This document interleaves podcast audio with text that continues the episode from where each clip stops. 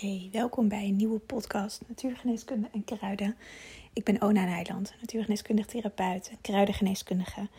En um, heb mijn eigen praktijk, Green Goddess. Um, en daarnaast geef ik les, natuur en kruidengeneeskunde bij Ananta opleidingen. En heb ik een online community. Ik doe, ik doe veel, ik doe best veel. Uh, daar loop ik ook wel eens tegenaan. Gaat deze podcast niet over. Maar als ik het altijd weer zo allemaal opnoem, dan denk ik: oh ja, vergeet ik niet nog wat? Wat doe ik eigenlijk allemaal? En um, deze podcast, zoals je ook in de titel kan lezen, gaat over ziekte.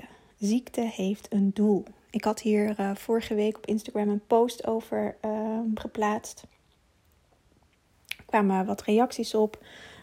Ook op Facebook. Het grappige was, meestal op Facebook zijn er toch altijd wat uh, sceptische, soms negatieve reacties. Ik moet zeggen, ik heb hier bijna geen, uh, geen, geen last tussen aanhalingstekens van. Want ik vind last is een raar, is een raar woord. Uh, want het is iemands mening. Maar op Facebook zijn vaker wat, wat, wat andere reacties dan op Instagram. Deze keer was het andersom. En uh, dat, dat inspireerde me voor deze podcast. Want um, in mijn post schreef ik: ziekte heeft een doel. En elke ziekte is een uitnodiging tot heling. Ik heb het even niet meer helder wat ik precies had geschreven. Um, maar da dat is de strekking ervan. En um, dit triggert vaak veel bij mensen. In dit geval ook. En een van de reacties was van ja, als je een verkoudheid hebt, dan snap ik het. Maar als het uh, kanker is of een ongeneeslijke ziekte, dan uh, gaat het voor mij niet op. Zoiets als de reactie. Iemand werd er giftig van. Um, dat snap ik. Dat dat een reactie is. En um, ik dacht, ik ga er eens een podcast aan wijden. Want we hebben het er veel over. Er werd ook gezegd, ja, het, wordt ook gezegd dat het karma is. En uh, nou, dat het dus allemaal je eigen schuld is. Uh, werd niet expliciet gezegd, maar dat is vaak wat, wat bij karma uh, is van ja, het is je karma, dus het, het is je eigen schuld. Dat is natuurlijk allemaal niet zo. Hè? Het ligt allemaal echt veel genuanceerder. En um, ik vind het wel belangrijk, daarom post ik het ook. Ik vind het ook spannend om dit soort dingen te posten, omdat ik weet dat er dit soort reacties kunnen komen. En omdat uh, de inquisitie daarin nog steeds vandaag de dag uh, er is. Niet dat deze mensen die gereageerd hebben inquisitie zijn, maar vanuit de overheid, vanuit de Vereniging van Kwakzalverij bijvoorbeeld. Daar is, uh, of tegen kwakzalverij. Um, die inquisitie is er nog steeds. Dus ik ervaar dat met het uitoefenen van mijn vak uh, altijd een gereserveerdheid. En binnen de opleiding en binnen mijn praktijk heb ik het er natuurlijk heel veel over met cliënten. Maar zo en publiek op social media of zoals hier in de podcast vind ik dat ook best wel spannend. Um, ja, omdat je kop er ook afgehakt kan worden. Zo simpel is het. En um, deze vorige maand was er een, uh, moet ik ineens aan denken, een heksenmonument. Uh, was een heel, hele happening. Ik heb daar voor de rest helemaal niks mee gedaan. Onder andere dus omdat ik, uh, nou ja, het heksenmonument was er om, om de heksenvervolgingen te, te herdenken. Nou, fantastisch natuurlijk dat daar aandacht voor is. Maar ik dacht, ja, vandaag de dag is dat nog steeds aan de orde. Die inquisitie, al ziet hij er niet meer zo uit als toen, uh, die is nu wel wat anders, gelukkig. Uh, of gelukkig, ik weet niet of het gelukkig is, maar um, die is er nog steeds. Dat is een van de redenen waarom ik daar niks mee gedaan heb. Omdat ik dacht, ja, goed dat er aandacht voor is, maar uh, net zoals zoveel dingen, kijk maar naar MeToo, naar de ongelijkheid tussen man en vrouwen. Er is zoveel aandacht voor, maar uiteindelijk verandert er niet zoveel. Want er is nog steeds ongelijkheid tussen mannen en vrouwen op heel veel vlakken. Dat heb ik hier ook, al, hier ook een beetje bij. Uh, en dat maakt dat ik het ook echt spannend vind om hierover te delen. Uh, aan publiek heb ik het dan over. Want um, dit is echt mijn mening. En um, mijn eigen ervaring ook. En dan niet zozeer uh, persoonlijk. Uh, ik heb nou ja, persoonlijk heb ik wel behoorlijk wat genezing meegemaakt. Maar ik heb nooit een uh, ernstige ziekte gehad. Al was ik chronisch vermoeid en had ik chronisch hoofdpijn. En dat was redelijk levensbeperkend. Um, wat ik helemaal geheeld heb. Maar een, een, ziekte als kanker of al dat soort aspecten heb ik, uh, godzijdank, niet gehad. En wat er wel bij komt, is dat ik hier elke dag mee bezig ben. Niet zozeer met kanker of iets dergelijks, maar wel met mijn gezondheid. En dat is denk ik waar het over gaat. Ehm, ik heb deze podcast niet voorbereid, dus misschien dat ik een beetje heen en weer slinger tussen dingen. Ehm, dat we onze aandacht niet zozeer hebben op onze gezondheid. We gaan er maar vanuit dat het lichaam doet wat wij willen dat het doet. En als het lichaam protesteert, dat wordt een ziekte. Um, en dat kan een griepje zijn, kan verkoudheid zijn, maar dat kan dus ook uh, uh, de welvaartsziektes zijn. Laat ik ze maar allemaal gewoon even onder één naam scharen. Um, dan heeft dat een reden. En wat er is gebeurd in de geschiedenis, daar heeft, uh, nou ja, als je het hebt over de Inquisitie in de middeleeuwen, um, is er een hele grote uh, afsplitsing geweest tussen um, de kerk en, en uiteindelijk de wetenschap zoals we die nu kennen. Er is heel veel uh, inheemse kennis over geneeswijzen, onder andere. Want daar ging de Inquisitie natuurlijk over. Over vrouwen, maar net zo goed mannen. Um, heksen. Um, en heksen zijn, waren in dit geval mensen die um, verbonden waren met de natuur. Met de natuurwezens, met de deva's. Dat zijn de, de, de plantwezens. met het, het goddelijke aspect. Met de, de, de verbinding volledig met hun eigen natuur. Uh, met de planten. Die wisten hoe, er, hoe, hoe ze moesten genezen met de energie van de planten. En, um, en veel meer dan dat. Ook de, met de energie van de goddelijke energieën. Daar is uh, een afsplitsing in geweest. De kerk heeft hier een grote rol in gespeeld. Um, en daar, daar is uiteindelijk een afsplitsing. Het is nu een beetje een kort door de bocht verhaal natuurlijk. Ik ga niet een hele geschiedenisles uh, geven. Um, maar daar is, dit zou trouwens een geschiedenisles op school moeten zijn. Um, maar er is een afsplitsing gekomen en dat, daar gaat eeuwen overheen. Dat is niet van de een op de andere dag. Wij zitten op dit moment weer in zo'n uh, overgangstijd. Maar dit keer gaat het, als het goed is, de andere kant op. Um, dat we weer. Daar is in rondom de middeleeuwen is echt een grote afsplitsing geweest. Het is ook een hele donkere tijd natuurlijk in de geschiedenis. Hè? Ook al kijk je naar gewoon de reguliere geschiedenis, laat ik het maar even zo noemen, wat in de geschiedenisboeken staat, is dat ook een donkere tijd. Uh, maar daar is de afsplitsing gekomen met het uh, universele, god, universele goddelijke. Nou, uiteindelijk, een aantal eeuwen later, is daar is, is de wetenschap zoals we die nu kennen, vanuit de reguliere wetenschap, is daaruit ontstaan. De oorsprong, we leggen allemaal elke geaccrediteerde uh, opleiding uh, en ook alle reguliere opleidingen, als je arts wordt of verpleegkundige, of zoals ik heb dat ook gedaan, leg je de eed van Hippocrates af. Dat is een verplichte eed um, die je als uh, zorgverlener moet afleggen. We stammen allemaal, regulier of complementair, van dezelfde geneeswijze af. Vanuit Hippocrates. Alleen is dus ergens na de middeleeuwen is daar de, de afsplitsing ontstaan. En um, is daar ook letterlijk de afsplitsing met ons lichaam gekomen. We zijn als mens boven de natuur gaan staan. En dat op, op dit moment zitten we daar ongeveer op het toppunt van kantelen er een beetje af. Um, zeker de afgelopen 100 jaar.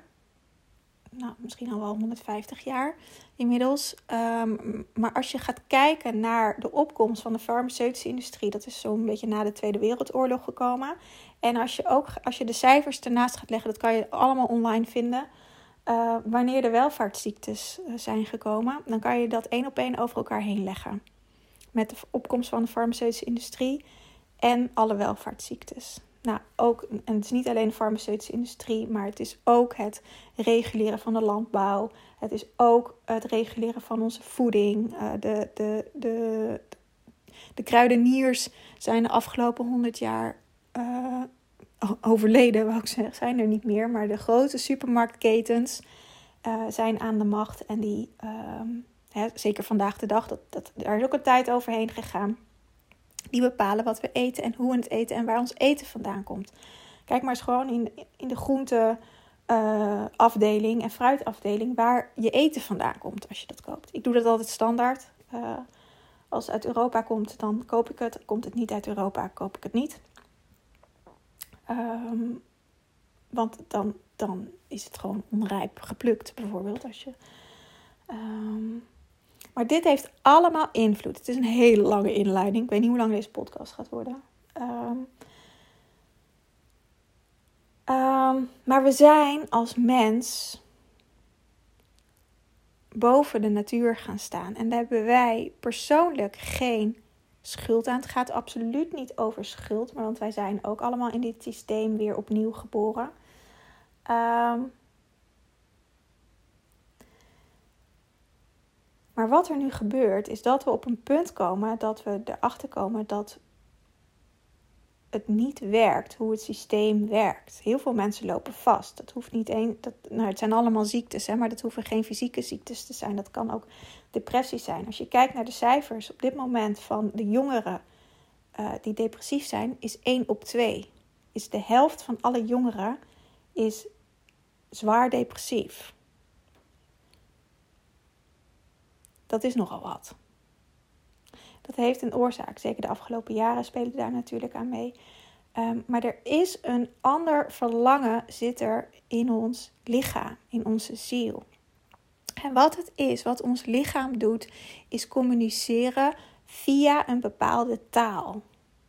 Ik heb ook een podcast opgenomen over de taal van het lichaam. En ik krijg zo vaak vragen van mensen die zeggen: Ja, ik heb een klacht en ik wil weten wat het betekent ik heb ook niet echt, ik ben geen orakel, ik heb niet een kant-en-klaar antwoord. Want dat antwoord mag je namelijk zelf gaan ontdekken. En daar kun je wel hulp bij krijgen, want het is rete lastig om dat zelf te ontdekken. Zeker als je uh, een, een, een, een, een, ziekte hebt die, um, zoals we dat in de natuurgeneeskunde noemen, uh, daar ga ik een term erin gooien, Rekkenweg 456. Dat Rekkenweg is een, is een Duitse arts begin 1900, geloof ik, die een bepaalde uh, tabel heeft opgesteld. Het is ook wel een poster de reguliere geneeskunde gebruikt. Daar is het volgens mij ook voor gemaakt. Maar die heeft voor allerlei klachten verschillende fases. Als je kijkt naar uh, klachten aan, aan je longen of aan je luchtwegen, dan is een verkoudheid is rekkenweg 1. Uh, nou, dan, of soms kan het ook rekkenweg 2 zijn. Nou, rekkenweg 3 begin je al dat je, dat je chronisch verkoud, verkoudheid hebt. Nou, rekkenweg 4, dan ga je over een scheidingslijn. Dan uh, zit het veel meer in je lijf, zit het dieper in je systeem. Kun je denken aan astma en bronchitis. Nou, rekkenweg 5, COPD. Rekkenweg 6, dat is de laatste, dan zit je aan longkanker. En hoe verder je in die lijn zit, hoe ingewikkelder het helingsproces is. Zeker die scheidingslijn tussen rekweg 3 en rekweg 4 is een hele belang, heel belangrijk punt. Want als je daar overheen bent, is het helingsproces vele malen ingewikkelder. En niet onmogelijk. Um, maar om in longtermen te praten, je hebt een lange adem nodig. En heel veel doorzettingsvermogen. En vooral um, heel veel moed om naar jezelf te durven kijken op hele diepe lagen. En dat is wat natuurgeneeskunde doet. En ja, dat triggert heel veel. Want dan komt het aspect erbij dat we zelf verantwoordelijkheid moeten nemen. En dan wordt dat vaak verward met: oh, het is mijn eigen schuld dat dit is gebeurd. Maar daar gaat het helemaal niet over. Het is niet iemands schuld. Het is een uitnodiging van het leven om die thema's die, als ik het over longen heb, uh, maar dat maakt niet uit voor wat voor een ziekte, maar om die thema's te gaan onderzoeken en exploreren. Want over het algemeen, als ik het over longproblematiek heb, gaat het over je eigen vrijheid leven. Je eigen inspiratie leven. En nou, nou ga ik heel kort door de bocht, want er zitten heel veel lagen in. Maar ik weet zeker dat mensen die longproblematiek hebben, dit zullen herkennen. Is dat we, uh, of dat ze, um,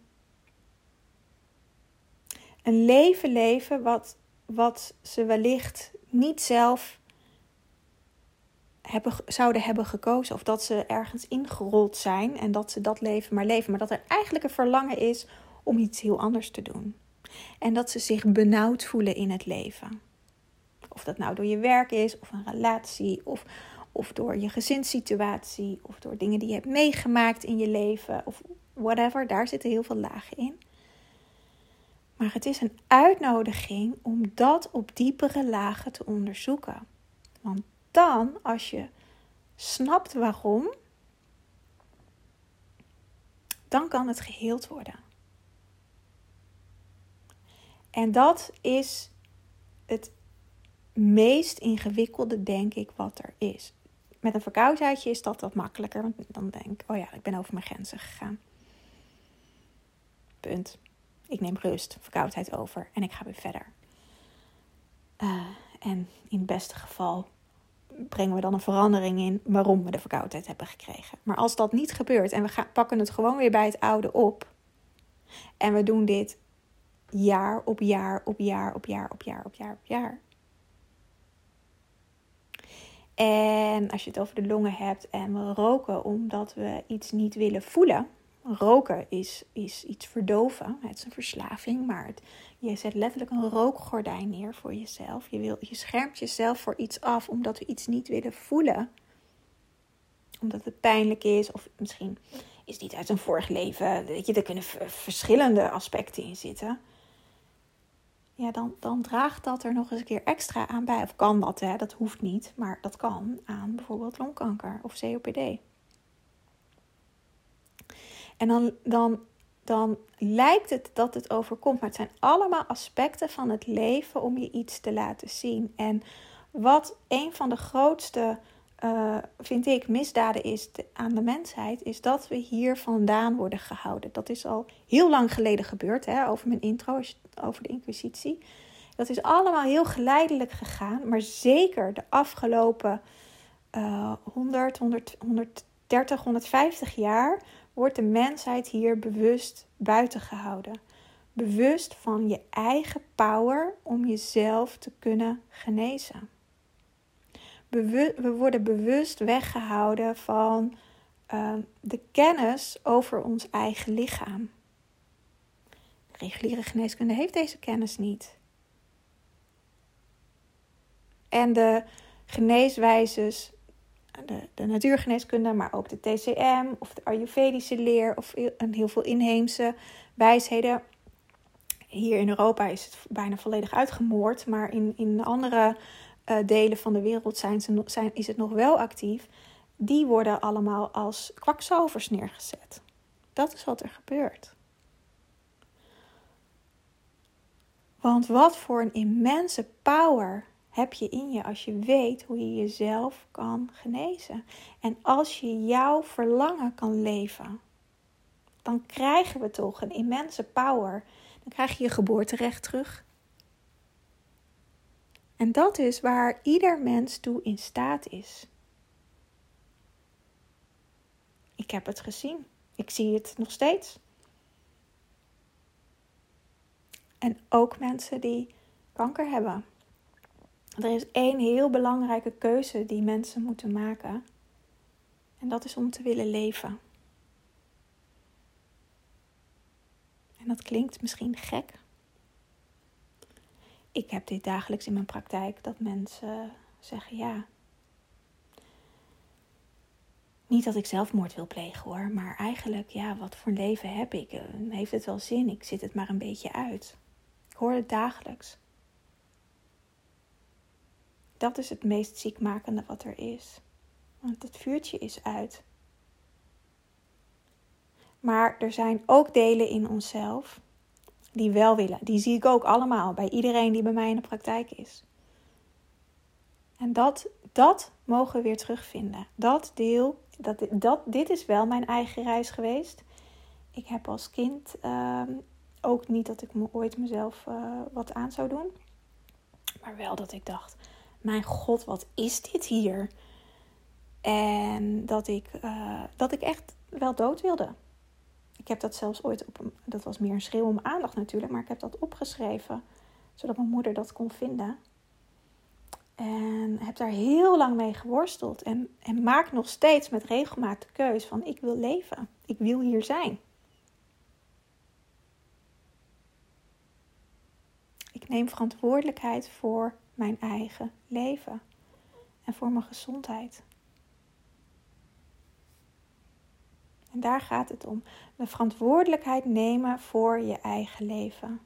Niet de verantwoordelijkheid bij een arts neerleggen bij een therapeut of bij weet ik veel wie. Maar het zelf doen. En dat is iets wat we niet hebben geleerd. En dat is iets wat echt ingewikkeld is. Maar dat is het waarin de heling plaatsvindt. En dan gaat het dus niet nogmaals over schuld, dat je jezelf iets aan hebt gedaan. Want dat is wat het systeem doet. Die brengt er gelijk schuld in. Van oh, ik heb niet goed voor mezelf gezorgd. Het is mijn eigen schuld dat ik ziek ben. Nee, dat is bullshit. Je wist namelijk niet beter. Iedereen, al mijn cliënten en alle studenten die denken dat ze het goed doen of die weten de weg niet omdat ze het niet weten. Nou, daardoor gaan mensen op zoek naar, naar iets anders, om geïnspireerd te worden om het anders te doen. Dus ik zie mezelf ook eigenlijk altijd als een, als een reisbegeleider. Ik kan iemand niet helen. Ik kan iemand ergens naartoe brengen. Maar de keuze om te leven moet iemand zelf maken, kan ik niet voor iemand doen. Dat is de vrije wil. Ook de keuze of iemand mijn adviezen te harte neemt en ermee aan de slag gaat. Of het niet doet. Ja, dat is ook aan iemand zelf. Dat, dat kan ik niet voor iemand doen. Het enige wat ik kan doen is het aandragen. En natuurlijk mijn werk erin doen dat ik de goede kruiden aandraag voor de processen. Maar daadwerkelijk die stappen zetten, dat, dat moet iemand toch echt zelf doen. Dat moet ik ook voor mezelf doen. Ik kan dat van niemand anders vragen, behalve ik. Behalve van mezelf. En hier gaat het, mijn inziens, om. Het is een hele diepe reis met jezelf. En een ziekte overkomt je vaak ook niet. Als je terug gaat kijken, dan heb het laatst weer heel dichtbij gehad. En dichtbij iemand die me heel dierbaar is. Heeft een, een, ook een, een, diagnose gekregen van kanker. En um, ook deze persoon, toen hij terugkeek, dat hij het al ergens wist. Al signalen heeft gehad, maar daar geen bewustzijn op had tot het moment nu dat deze diagnose is gekomen. En nu gaan de kwartjes vallen. En nu is er bewustzijn. Dus nu zou er wat kunnen gaan veranderen. Is het nog steeds de keuze van de persoon zelf of hij of zij dat wil doen?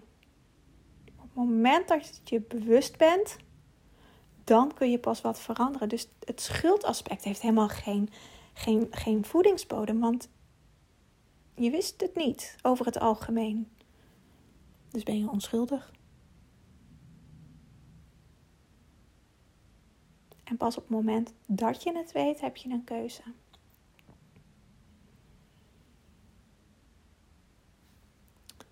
Zo eenvoudig, wil ik eigenlijk bijna zeggen, is het. Het is totaal niet eenvoudig. Het is vrij ingewikkeld. We hebben het vrij ingewikkeld gemaakt omdat dit de weg naar binnen is.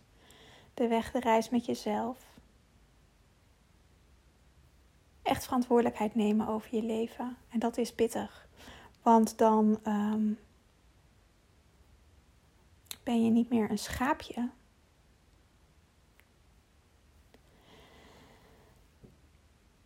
Maar dan sta je voor jezelf. En daar komen weer heel veel andere aspecten bij kijken. De verantwoordelijkheid voor jezelf, de keuzes die je maakt. Al dat, al dat soort aspecten. Dus het is niet eenvoudig. En toch ook weer wel. Het is een reis. En het makkelijkste is om te beginnen als je last hebt van een verkoudheidje of een riep. Om eens te gaan, het gesprek gewoon met je lichaam aan te gaan. Met je systeem. Het is niet alleen met de verkoudheid, maar het is gewoon met je systeem van hé, hey, waarom heb ik deze verkoudheid? Je kan heel rationeel denken, ja, ik heb gewoon een virusje opgelopen. Maar wat maakt dat jij wel het virus oploopt en iemand anders niet? Daar zit een resonantie hier komt de wet van resonantie om de hoek kijken. Hier zit een resonantie waarom jij wel dit virus oppikt, of er in ieder geval last van hebt. De ander kan het ook oppikken, maar het lichaam kan het heel makkelijk, zou het heel makkelijk af kunnen voeren. En daar begint die reis om dat te onderzoeken van hé, hey, waar ben ik over mijn grenzen heen gegaan? Waar luister ik naar mezelf? Waar leef ik? Ehm, waar heb ik in ieder geval, zeker met een verkoudheidje bijvoorbeeld, kan je het vrij klein houden van wat is er de afgelopen tijd gebeurd. Waar heb ik uh, mijn eigen vrijheid beperkt? Bijvoorbeeld. Als het chronische ziektes zijn. En chronisch is als je er elke dag last van hebt. Of minstens een aantal keer per week. Voor minimaal een maand lang dan is het chronisch. Dan is het een ander verhaal, want dan zit het al veel dieper. Dan zit je al meer rekkenweg 3, 4, vaak al wel. Het hele rekkenwegsysteem heb ik uitgelegd in de Herbal School. Hoe dat precies werkt. Maar dat vraagt dus al een veel langere genezingsproces dan als je gewoon rekkenweg 1 of 2 zit. Rekkenweg 1 zitten we met regelmaat. Vaak is al een, een ontsteking, een verkoudheid of iets dergelijks al weg 2. Maar kan het lichaam prima aan. Maar hoe zwakker je immuunsysteem is, hoe minder makkelijk het aan kan. En dan heeft het niet zozeer met die verkoudheid te maken, maar meer met je immuunsysteem. Dus er zitten ontzettend veel lagen in. Ik zal eens kijken. Oh, deze podcast is al een half uur. Ik ga hem zo afronden. Er zitten ontzettend veel lagen in. En dat is. Het vraagt een andere manier van kijken naar het leven, naar jezelf, naar het lichaam, naar ziekte en naar gezondheid. Want het gaat over gezondheid. Dat is, het gaat over gezondheid. En om het leven. Dat zijn twee aspecten die ontzettend belangrijk zijn. Dus dat. Nou, um, Dankjewel voor het luisteren. En um, tot de volgende podcast.